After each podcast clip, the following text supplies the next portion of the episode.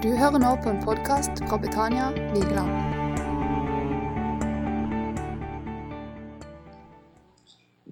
Hei, hei. Jeg heter Isak. 19 år, blir 20 snart. Kommer fra Mandal. Til dere som lurer på hvor Bibelen min er. Den, eh, den glemte jeg i, i Lyngdal, men jeg har eh, mine notater på mobilen. Så da vet jeg det. Jeg har eh, lenge hatt eh, tydelig for meg hva jeg skal tale om i dag. Men når jeg kom opp her, så ble det noe helt annet. Eller det ble ikke det. Det jeg skal dele i dag, det kommer til å bli heavy. Det kommer til å, Hvis dere er åpne for hva Guds ord skal si til dere i dag, så tror jeg at det kommer til å ruste dere som bare det. Det river i mitt hjerte når jeg har forberedt meg. Dette her er så viktig. at det er så avgjørende for hele vårt kristenliv. For hele framgangen til Guds rike. Så dette er her nøkkelen det jeg skal forkynne i dag. Norge har lenge vært en nasjon som er kjent for de kristne verdiene. Som er bygd på Guds rike, som er bygd på Guds ord. De siste årene så har kristendommen bare gått nedover. Antall kristne, antall mennesker som går i menigheten, det har bare gått nedover og nedover. og nedover. Så har menigheter har begynt å åpne opp for noe som ikke er Guds ord. Begynt å akseptere synd i ledelse, i menigheter. De har gått vekk fra Guds ord, og du ser konsekvensene av det. Nå er det sånn at Gud må sende mennesker til Norge fordi vi ikke gjør jobben vår. Oi, oi. Jeg skal dele noen bibelvers i begynnelsen nå som er Det er heavy. Men det er ikke til de ufrelste, men det er til oss frelste. Hvis ikke dette her river vårt hjerte, så veit ikke jeg. Men før jeg begynner å lese, så må jeg be. Herre, du er velkommen her. Tal til oss i kveld. Fjern alt av vår stolthet. Åpne våre hjerter. Jeg går imot makt og myndighet og demoner nå. Jeg bryter ethvert angrep mot denne forsamlinga, mot familie her og mot hvert enkelt menneske her. Åpne hvert enkelt hjerte, Herre, sånn at du kan tale tydelig, Herre. La alt det som blir sagt i dag, være ditt ord, Herre. Alt det som er fra det, det skal sette spor i våre hjerter, Jesus. Og det som ikke er fra det, det skal falle bort i Jesu navn. Jeg håper du har forventning. Ikke til hva jeg skal si, da, men til hva Jesus skal gjøre. Jeg er ingenting i meg selv, og jeg kommer til å lese bibelvers som kanskje noen tenker Hvem er du til å lese opp dette her? Og det kan dere godt mene. Jeg er ingen til å lese opp dette her. For jeg er like liten som den minste her. Vi er alle bitte små folk som er desperate og totalt avhengige av Guds ord, av Guds nåde, av Guds hjelp. Uten det så er vi helt lost. Da er vi helt forlapt det. Jeg skal lese et bibelvers nå. Det er fra Matteus 13, 47 50. Norsk bibeloversettelsen. Igjen er himmelens rike likt en not som kastes i havet og samler fisk av alle slag. Når den er full, drar fiskerne den opp på stranden. De setter seg ned, og de samler de gode fiskene i kar, men kaster ut de dårlige. Slik skal det skje ved verdens ende. Englene skal gå ut og skille de onde fra de rettferdige og kaste dem i ildovnen. Der skal de gråte og skjære tenner. Jeg skal lese et bibelvers til. Matteus 25, 31-33. Men når menneskesønnen kommer i sin herlighet, og alle englene med ham, da skal han sitte på sin herlighetstrone, og alle folkeslag skal samles framfor han. Han skal skille de fra hverandre, like som gjeteren skiller sauene fra geitene. Han skal stille sauene ved sin høyre side og geitene ved sin venstre. Nå i verden så er det ca. 3,5 eller 3,6 milliarder mennesker som lever uten å ha fått høre om Jesus. 3,5 milliarder mennesker som ikke har fått muligheten til å høre om Jesus. Bibelen sier at det er kun ved tro alene at vi kan bli frelst. Bibelen sier at syndens lønn er døden. Alle mennesker har begått synd, og pga. det så har vi en død i vente i utgangspunkt. Og Hvis ikke mennesket kan få høre om Jesus, hvis ikke mennesket kan få ta imot Jesus som sin frelser og herre, så er det ingen tilgivelse for de sine synder. Og hvis ikke tilgivelse for noen sine synder, så er det ikke himmelen de har i vente, ifølge Guds ord. For syndens lønn er døden. Og den eneste måten mennesket kan bli, bli gjort rettferdige, det er ved å tro på Jesus. Ved tro alene på Jesus. Men hvordan kan de tro på Jesus når ikke de har hørt om Jesus? Hvordan kan vi kristne leve komfortabelt med at 3,5 milliarder mennesker ikke har fått muligheten til å høre om Jesus. Det er én ting hvis det er 3,5 milliarder mennesker som ikke er kristne, men de har fått muligheten til å bli det. Det er en helt annen ting. Men pga. oss kristne så er det 3,5 milliarder mennesker som ikke har fått muligheten til å høre om Jesus. De har ikke fått muligheten. Hvem skal vi skylde på? Ikke regjeringa. Ikke på skattepolitikken. Ikke på hva alle andre gjør. Ja, kanskje vi tenker på dette her, og dette må vi gjøre noe med. Ja, det er fint å tenke på det, men det hjelper ingenting uten handling. Dette her er alvorlig. De tallene går oppover. Det er ikke færre og færre prosent som får høre om Jesus. Det er flere. Og hvorfor det? Fordi vi ikke gjør det vi skal. For Det er ikke muslimer som skal fortelle dem om Jesus. Én ting er, jeg under Jehovas vitner veldig, som jeg har veldig stor respekt for å gjøre. De gjør det kanskje på feil grunnlag, men én ting Jehovas vitner gjør, det er at de gjør det de tror på. Ja, De blir hata av veldig mange, og de blir latterliggjort. Men allikevel går de til dør til dør til dør til dør og forteller om Jesus. Hvorfor gjør ikke vi det? Hvorfor sender ikke vi ut flere folk? I USA så det er 1 av kollekten som går til misjon. Og av de 1% så er det 0,1% som går til unådde folkeslag. Så det er 0,1 av 1% som går til mennesker som aldri har fått høre om Jesus. Den ene prosenten som går til misjon, den går til, til land hvor kristendommen har stor framgang, og liksom, som er kristne land. da. Men hva med, hva med Syria? Hva med Saudi-Arabia? Hva med Nord-Korea? Hva med Mali? Hva med alle disse landene her?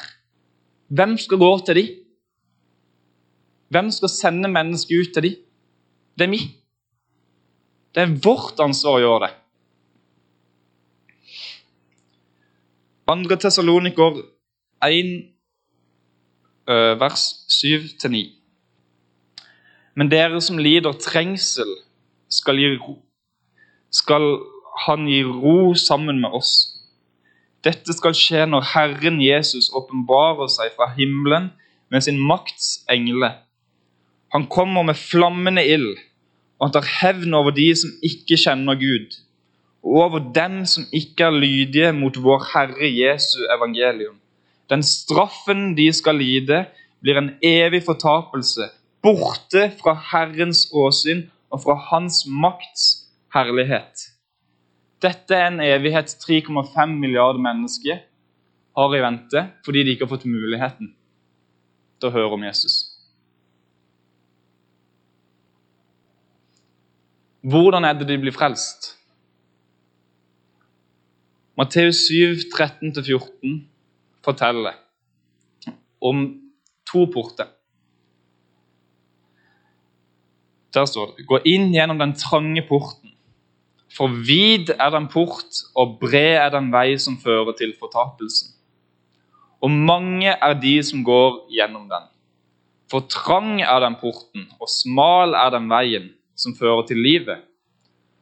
Og få er de som finner den.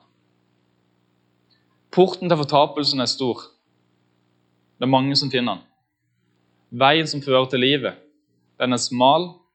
Porten er smal, og det er få som finner den. Men det skal ikke gjøre oss komfortable. Selv om Guds ord er tydelig på at dette her er en realitet, så skal ikke vi sitte her og slappe av. Hva var det Paulus holdt på med?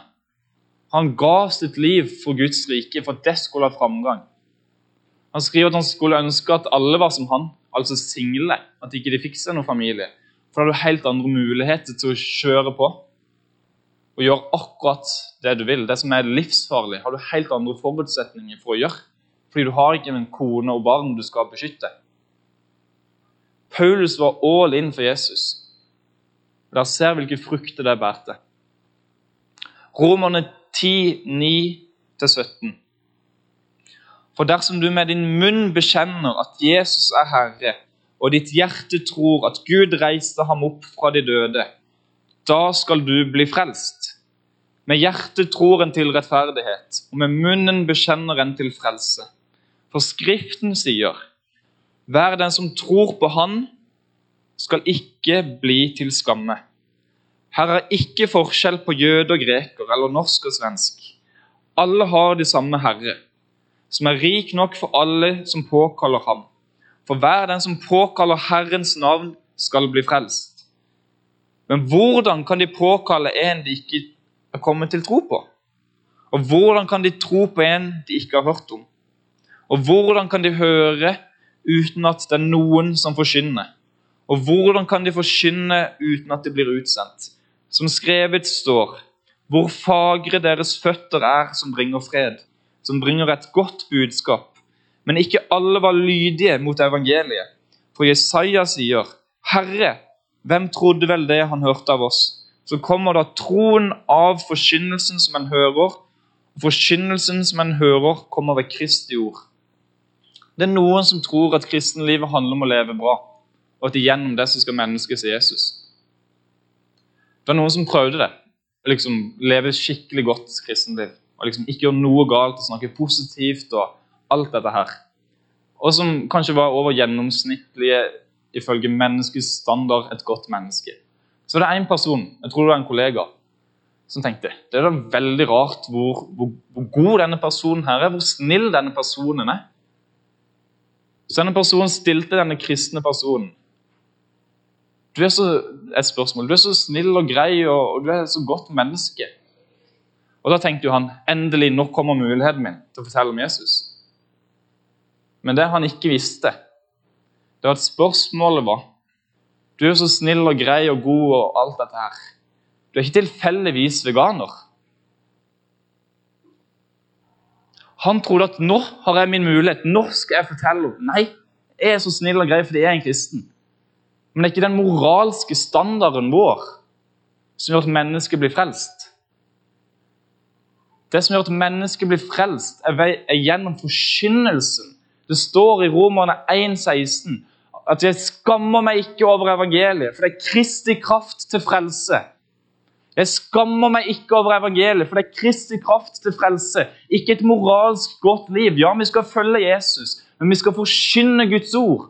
Det er evangeliet som er Guds kraft til frelse. Ikke en andakt om takknemlighet, nei, men om synd, omvendelse, dom. Og Jesus som eneste løsning på mennesket sin evighet. At Jesus er eneste redninga de har, som vi har. At det er kun gjennom å tro på Jesus at vi blir frelst. Det gjelder alle sammen. Vi har synd i vårt liv, og det er kun gjennom Jesus at vi kan bli frelst. Det er kun gjennom Jesus at vi kan bli tilgitt. Det er kun, kun gjennom Jesus at vi kan bli rettferdiggjort. Men mennesket må få høre dette budskapet. Det er det som er det gode budskapet. Det er det som er de gode nyheter. at Jesus kom for å redde verden, ikke for å dømme verden. Men da må mennesket få høre at Jesus kom for å redde dem. Ikke at han kom for å ikke gjøre noe. Ikke at han er en eventyr, at ikke han er en profet, men at Jesus er Guds sønn, kommet for å frelse verden. For å dø på det korset en gang for alle synder. Ikke bare for noen av folks synder, men for all synd. Ikke bare litt, men for alle sammen. Og gjennom troen på Jesus så blir vi rettferdiggjort alene ved tro. Og som en konsekvens av å tro på Jesus, så vil vi omvende oss til ham, så vil vi følge ham, så vil vi gå frimodig ut fordi vi er rettferdiggjort, fordi vi er fri.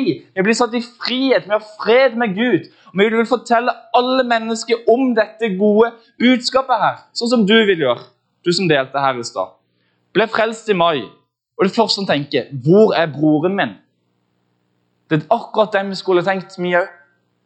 Hvor er de 3,5 milliarder menneskene vi kan nå? Vi kan ikke nå alle på en gang, men vi kan jammen møte noen hver dag. Og ja, det er fint at du ber. Det er fantastisk. Men vi kan ikke kun be. Vi kan ikke kun tenke på folk. Vi må forkynne òg.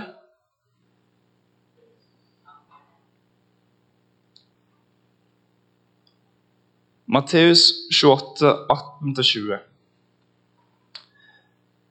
Og Jesus trådte fram, talte til dem og sa:" Meg er gitt all makt i himmel og på jord. Gå derfor ut og gjør alle folkeslag til disipler. Idet dere døper dem til Faderens, Sønnens og Den hellige ånds navn, og lære dem å holde alt det jeg har befalt dere. Og se, jeg er med dere alle dager inn til verdens ende.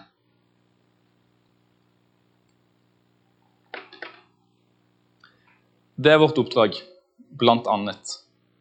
Vi skal gå ut til alle folkeslag og gjøre dem om til disipler. Man kan ikke bli en disippel uten at man får høre Guds ord. Man kan ikke bli en kristen uten at det er noen som forkynner Guds ord til dem. Det er vårt ansvar at mennesket Ikke at de skal bli frelst, men det er vårt ansvar at de skal få muligheten til å bli frelst. Meg er gitt all makt i himmel og på jord. Gå derfor ut og gjør alle folkeslag til disipler. Og så avslutter han med Og se, jeg med dere alle dager inntil verdens ende. Dette er ikke en prestasjon det er snakk om. Ikke i det hele tatt. Ikke misforstå meg. Men dette her er et kall over hvert enkelt kristent menneske. At vi skal gå ut og forkynne evangeliet til alle folkeslag. Ja, ikke alle er en evangelist. Ja, ikke alle klarer å be 20 timer om dagen. Det er ikke det jeg sier. Men vi alle har ett felles ansvar, og det er at mennesket skal bli frelst. Hvis ikke vi kan reise til Mali, så kan vi sende ut noen som kan reise til Mali. Og hvis ikke vi har så altfor mye økonomi å bistå med der, så kan vi være med og be. Gi vårt liv til å be. Kanskje ikke vi har en helse til å gå ut fem timer på gata hver eneste dag. Men da kan vi be for de som går ut fem timer på gata hver eneste dag. Vi er én kropp. Det er ikke kun Betania på Vigeland. Det er Betania, det er bedehuset og det er mye annet. Vi er én kropp med forskjellige talenter, med forskjellige nådgaver, med forskjellige tjenestegaver. Med forskjellige oppgaver, men ikke forskjellige kall, ikke forskjellige mål. Vi har samme målet, men vi er ulike lemmer på kroppen som skal gå, som skal mobilisere mot dette målet. At alle mennesker skal bli frelst og bli disippelgjort. Ja, Kanskje du har en evangelist som kanskje forkynner evangeliet litt mer enn andre. Men så har du fire andre tjenestegaver som er minst like viktige for helheten. Kanskje evangelisten er viktig for at mennesket skal bli frelst. Hva med hyrden, da? Han er jo livsviktig når mennesket skal bli tatt vare på. Hvem skal lære de opp? Du har en lærer til det.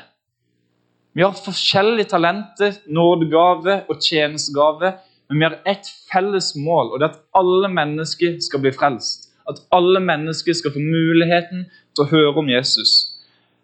jeg regner med dere fleste her vet hvordan kristendom kom til Norge. Man kan jo argumentere mot at det var jo ikke den beste måten at kristendom kom til Norge. Gjennom krig og drap og, og sånn. Og det er jeg jo enig i. Men ja Hvordan kristendommen spredde seg fra Israel og Midtøsten og til Asia rundt forbi. Hvordan var det? Det var at mennesket ga sitt liv til Jesus, som gjorde det de skulle gjøre. De fulgte Guds ord. De var Guds sauer. Guds sauer, de hører røsten til hyrden. De følger hyrden. Geitene gjør ikke det. Vi er kalt til å gjøre mennesket til sauer. Vi er kalt til å lede dem til Jesus. Og så skal Jesus lede dem nærmere se. Han skal lære dem, han skal disiplegjøre dem. Den hellige ånd skal tale. Han skal overbevise hvert enkelt menneske om synd, rettferdighet og dom. Det er han som skal gjøre det, men så skal vi forkynne. Det er vi som skal be for syke. Det er ikke Den hellige ånd som skal liksom gå rundt og be for alle syke. Nei, det er vi. Det er vi som skal forkynne. Det er vi som skal sende ut. Det er vi som skal be. Så skal vi overlate fruktene og resultatet til han. Det vil han sørge for. Det har han lovt. Men så må vi gjøre vår jobb. Jeg skal lese noen eh, konsekvenser av, hvor, av lese noen av konsekvensene til hvordan kristendommen spredde seg ut. Jakob, hva måtte han betale? Hvilken pris måtte han betale for at evangeliet skulle ha framgang, for at Guds rike skulle ha framgang? Det var mye. Hvordan, eh, hvordan havna han Hvordan bytta han adresse? Hvordan havna han i himmelen? Jakob ble halshugd. Bartlomeus han ble flådd. Philip ble hengt. Stefanus ble steina. Andreas ble korsfesta. Peter skulle bli drept på et kors, men han følte seg ikke verdig å bli drept på samme måte som Jesus, så han ble drept på et opp-ned-kors. Matteus døde som martyr. Kilde sier at Paulus ble halshogd. Kilde sier at Thomas ble drept med spyd. Kilde sier at Simon ble korsfesta.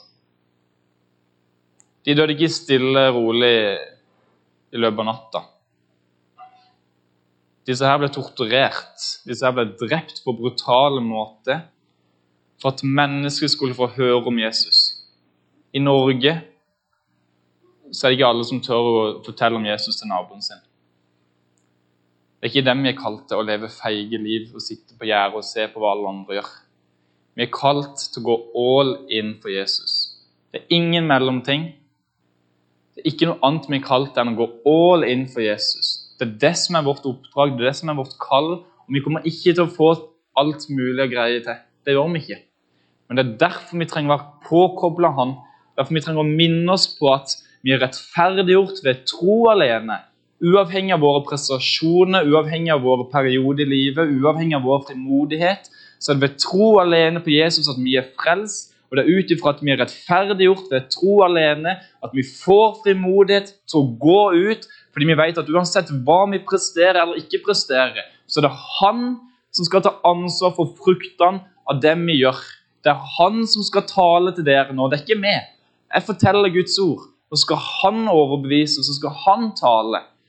Jeg kan fortelle om en hel haug av ting, men det hjelper ingenting hvis ikke Guds kraft slipper til, hvis ikke Guds kraft er i det, hvis ikke Guds ord er i det. Men Guds ord er levende, og det vender aldri tomhendt tilbake. Det kverner gjennom alt sammen. Om du har et steinhjerte, så er det ikke noe annet bedre våpen enn Guds ord.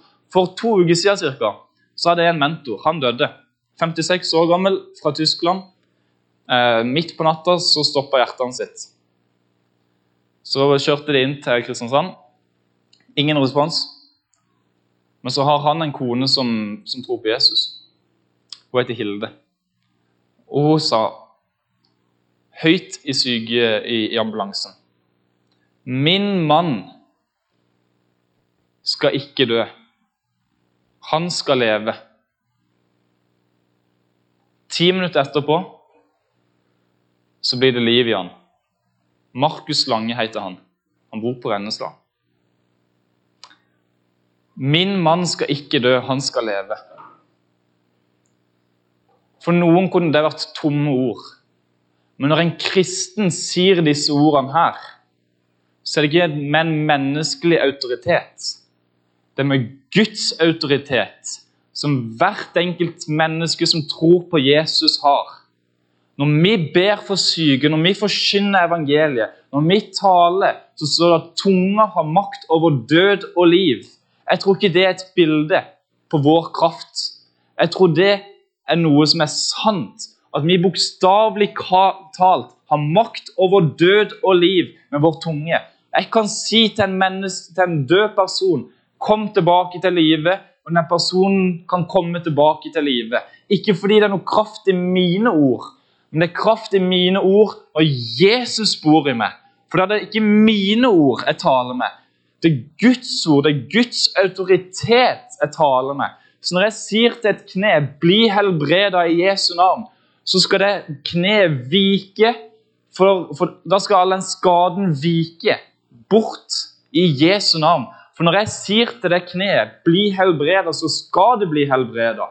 Fordi det er Guds kraft igjennom meg som sier det. Bibelen sier 'legg hendene på de syke, og de skal bli helbreda'. Noen blir helbreda momentant, noen blir helbreda i løpet av tid, og noen blir kanskje helbreda når de kommer til himmelen. Men Guds ord sier at vi skal legge hendene på de syke, og de skal bli helbreda. I Markus 16, 17-20 Dette her er det siste Jesus sier før han går opp til himmelen.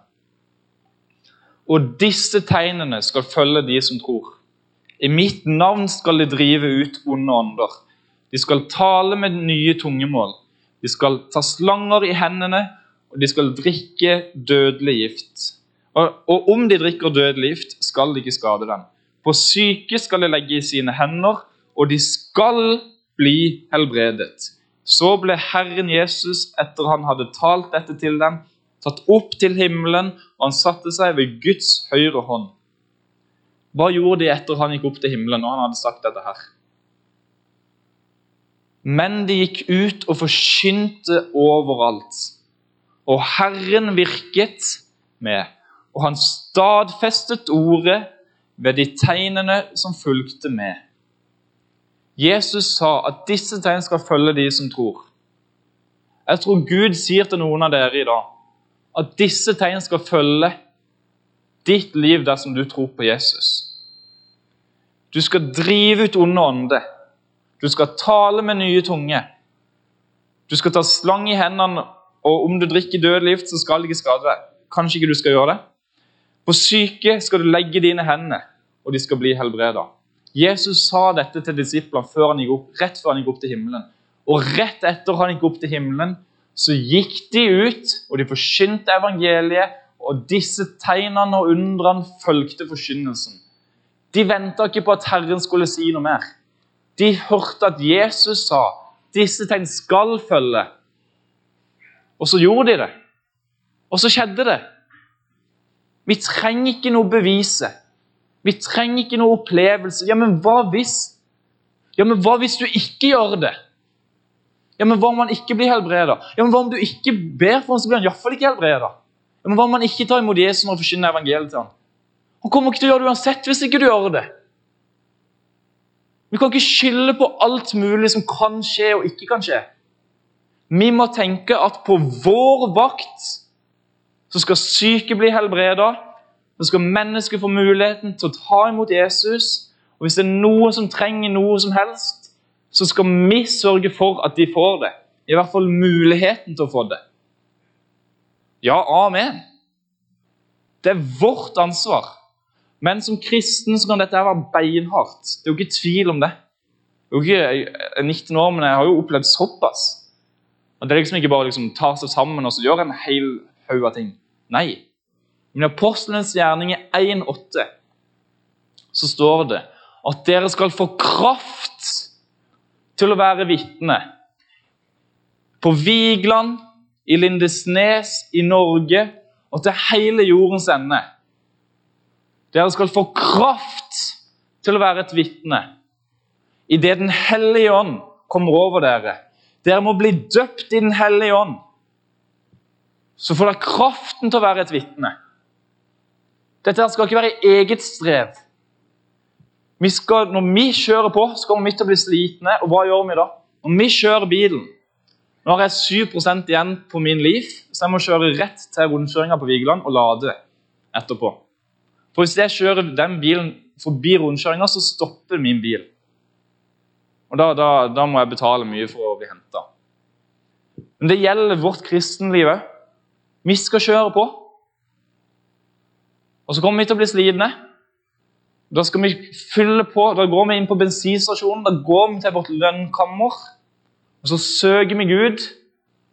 Så tar vi hviledagen, vi holder den. Og så får vi ny kraft, og så kjører vi på videre. Og Så blir vi slitne, og så hviler vi litt, fyller på, og så kjører vi på videre. Vi skal ikke fylle på for å leve et godt, lykkelig liv. Vi skal ikke oppleve Guds kraft noe veldig for å ha fine åndelige opplevelser og så fortelle eller så tenker jeg, ja, dette var gøy, dette var fint. Jeg ble ikke frelst for at jeg skulle ha et lykkelig liv. Når jeg tok imot Jesus, så ble mitt oppdrag at andre skal få høre om Jesus. Ikke at jeg skal ha det fint og flott og leve i et hus til 20 millioner og kjøre en sykt fin bil og tannbleie tennene, som Arthur sier. Og står i stor og fin dress. Det er jo ikke det. Nei. Vi som kristne Paulus, tror jeg det var. Han sa at de jobba dag og natt for å ikke være en byrde for noen. Han kjørte på overalt og forkynte evangeliet, men han jobba beinhardt òg for å finansiere økonomien, sånn at han kunne gjøre det. Det var ikke noen unnskyldninger. Ja, men jeg forkynner jo evangeliet, så kan jeg ikke jobbe. Jo, du kan det. Det er sikkert at alle skal gjøre det, men man kan det. Det handler ikke om å ha den lettest mulig utveien til at mennesker blir frelst. lettest mulig utveien inn i tjeneste. Det er jo ikke det det handler om. Det det handler om at han er alt og er ingenting. At han skal vokse, og at jeg skal avta. At Guds rike skal ha framgang, og jeg skal ikke. Min økonomi skal ikke nødvendigvis få mange nuller. Men antall frelste folk skal ha mange nuller. Min økonomi skal ikke handle om å finansiere flotte hus og biler. Nei, min økonomi skal handle om at Guds rike skal ha framgang. Det er det jeg skal være med å finansiere. Min tid skal ikke handle om at jeg skal ha det mest mulig gøy. Min tid skal gå på bekostning av alt mulig som jeg ønsker. Min tid skal være med på at mennesker skal bli frelst. Det gjelder i bønn, det gjelder Guds ord, det gjelder i forkynnelse. Og ja, jeg er ikke noe perfekt, det er ikke det jeg sier. Vi alle har en vei å gå, jeg har en lang vei å gå. Men det er dette her det handler om. At Guds rike skal ha framgang. At han skal vokse, og at jeg skal avta. Ikke at jeg skal vokse, og så skal jeg tilkalle han når jeg trenger litt hjelp. Nei. Han har gitt oss kraften. All makt i himmel og på jord. Den samme kraften som reiste Kristus opp fra de døde, den bor i noen. Det er ikke det det står. Den samme kraften som reiser Kristus opp fra de døde, den bor i oss. Den samme kraften bor ikke kun i en evangelist til å be for syke. Den samme kraften bor i hver enkelt som tror på Jesus. Jeg har et så fantastisk vitnesbyrd på dette. her. For det er Noen som tenker at man må gå på bibelskole og man må liksom uh, gå gjennom alt mulig av prosesser. Liksom, alt mulig sånn for liksom å kunne vitne om Jesus og fortelle om han. I, I, april så hadde jeg en engelskundervisning i Thailand. og Da var det en jente på ti år som fikk høre evangeliet gjennom den engelskundervisninga. Selvfølgelig. Sant? Så når jeg skulle lære de engelske ord, så var det liksom sånn nåde og tilgivelse. og sant? Ikke sånn her bil og, og katt og sånt. Nei. Men Da lærte de evangeliet gjennom den undervisninga, så forkynte jeg til det etterpå. Og så ba jeg for, eh, for noen stykk der. De var sånn ti stykk der. Og så ble hun ene helbreda på ti år. Og så var det flere som hadde vondt i kroppen. Så jeg sa til den ene jenta som hadde tatt imot Jesus på ti år Hun tok imot Jesus tre minutter før eh, jeg begynte å be for syke. Og så sa jeg til henne du ber for syke sånn her og sånn her. og sånn her. Legg hendene på dem og si at den smerten skal vekk i Jesu navn. og så skal den smerten vekk i Jesu navn. Du trenger ikke rope eller hviske, eller bare si at den skal vekk, og så må den vekk. Så hun gjorde det tre-fire-fem ganger, og så forsvant den smerten til den andre personen. Når den jenta på ti år bar for den personen. Hun hadde vært frelst i tre minutter, kanskje. Fem minutter. Og allikevel er Guds kraft like reell, like til stede og like stor i hos sitt liv, selv om hun er ti år, nyfrelst og kan ingenting. Gud er ikke avhengig av vår kunnskap, men han er avhengig han er ikke avhengig av noe. Men Gud ønsker at vi skal forkynne evangeliet, for det er der Guds kraft til frelse ligger. Og gjennom forkynnelsen av evangeliet så skal mennesket ta imot Jesus. Og gjennom forkynnelsen av evangeliet så skal Den hellige ånd stadfeste ordet med tegn og under. Jeg tenker at vi som kristne vi kan være litt frimodige. Vi kan gi Gud noe å stadfeste. Vi snakker om Gud som er skaperen av alt. Han trenger ikke Han ønsker å gjøre ting. Han ønsker at alle mennesker skal bli frelst. Han ønsker dette her. Men så får jo vi gi han muligheten til å gjøre det, da. Det står, når du leser evangeliet, så står det enkelte plasser at alle ble helbreda.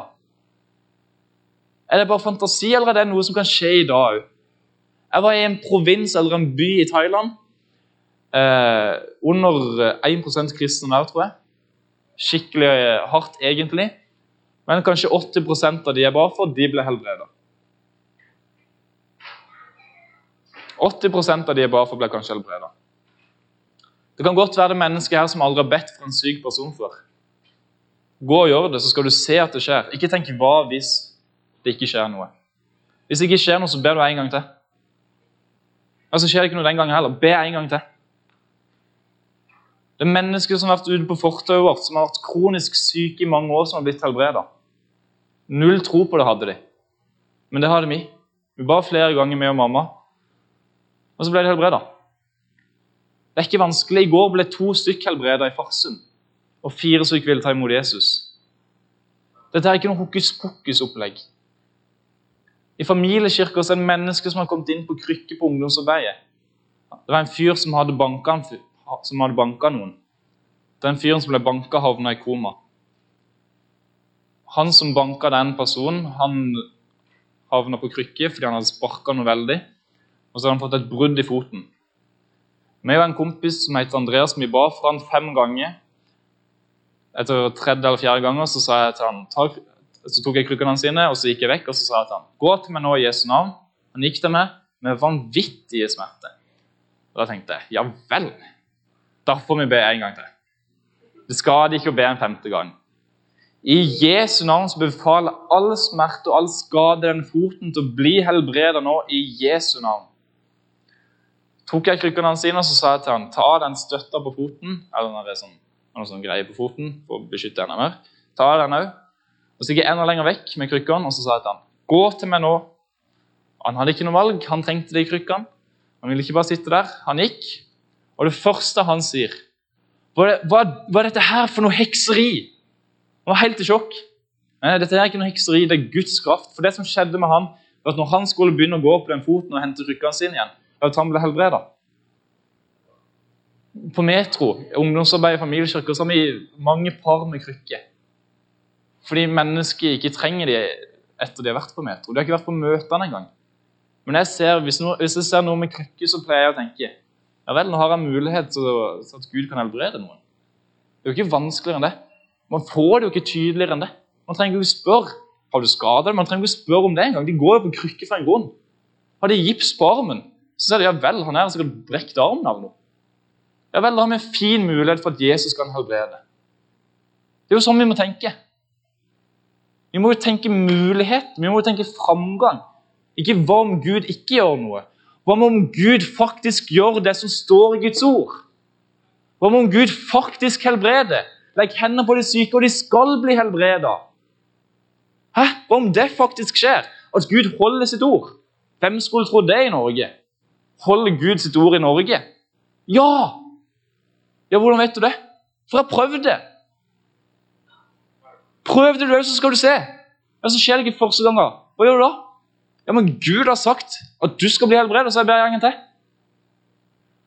Og så ber du en gang til. En felles venn av meg han ba for noen som var død på det ene øret. skjedde ingenting. Men så hadde han lest i Bibelen at Jesus eller noe sånt, tok fingeren inn i øret og ba. Og så gjorde han det en gang, og så gjorde han det en gang. skjedde ingenting. Men det hadde stått med store Guds ord at han tok fingrene inn i øret.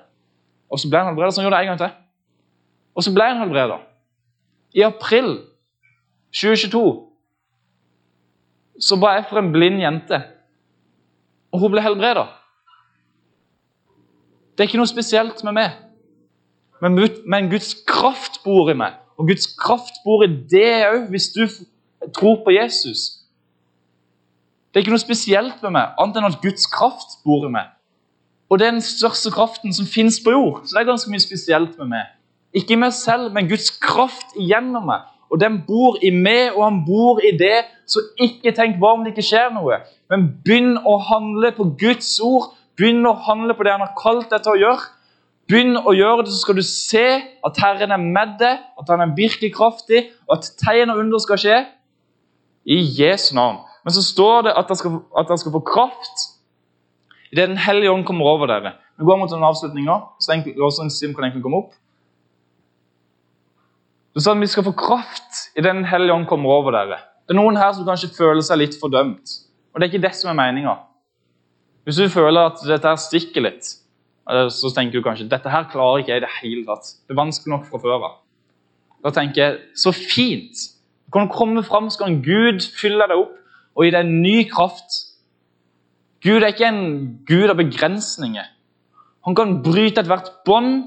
Han kan helbrede enhver skade, kronisk, psykisk, fysisk, enhver allergi. Han kan helbrede alt mulig, han kan sette deg fri fra alt mulig. Han kan tilgi alt mulig, han kan frelse hver, hvem som helst. Så, etter, så når vi går videre nå i lovsangen, så kom fram, så vil det være forbedre å være med og be for deg. Og regner med at de fleste her tenker at vi må gjøre noe, for det er 3,5 milliarder mennesker som ikke har fått høre om Jesus. Og Kanskje ikke vi kan gå til Mali selv, men ja, vi kan i hvert fall søke Gud om visdom, om hjelp til å gjøre vår enkle del i dette her. Alle her trenger mer av Jesus. Jesus vil fylle enhver som lengter og søker etter ham. Men han vil ikke fylle en som er stolt og full av seg selv. Han vil at du skal bli tom, sånn at han kan fylle deg. At han skal vokse, og du skal avta. Stolthet er Guds verste fiende, nesten. For Hvis du er stolt, så vil ikke du føle at du trenger Gud. Vi alle trenger Gud når det gjelder frelse, når det gjelder livet vårt, når det gjelder alt. Vi trenger Jesus, alle sammen. Om det er ny kraft, om det er helbredelse, om det er drømmer og visjoner. Om noen her ønsker å få et barn og ikke har fått det ennå. Ingenting som er umulig for Gud. Så kom fram nå. og så... Hvis du, hvis du vil ta imot Jesus òg, kom fram. Så, så, ordner, så, ordner, vi det. Det er ikke noe problem, det. Jesus elsker alle sammen her. Så det, det håper jeg dere skjønner. Jesus elsker hver enkelt her, men han elsker alle andre rundt oss og utenfor dette lokalet like mye som vi har en jobb å gjøre. Kom fram og bli bedt for. Ingenting er umulig for Gud. Smak det og kjenn på det og erfar det. I Jesu navn. Amen.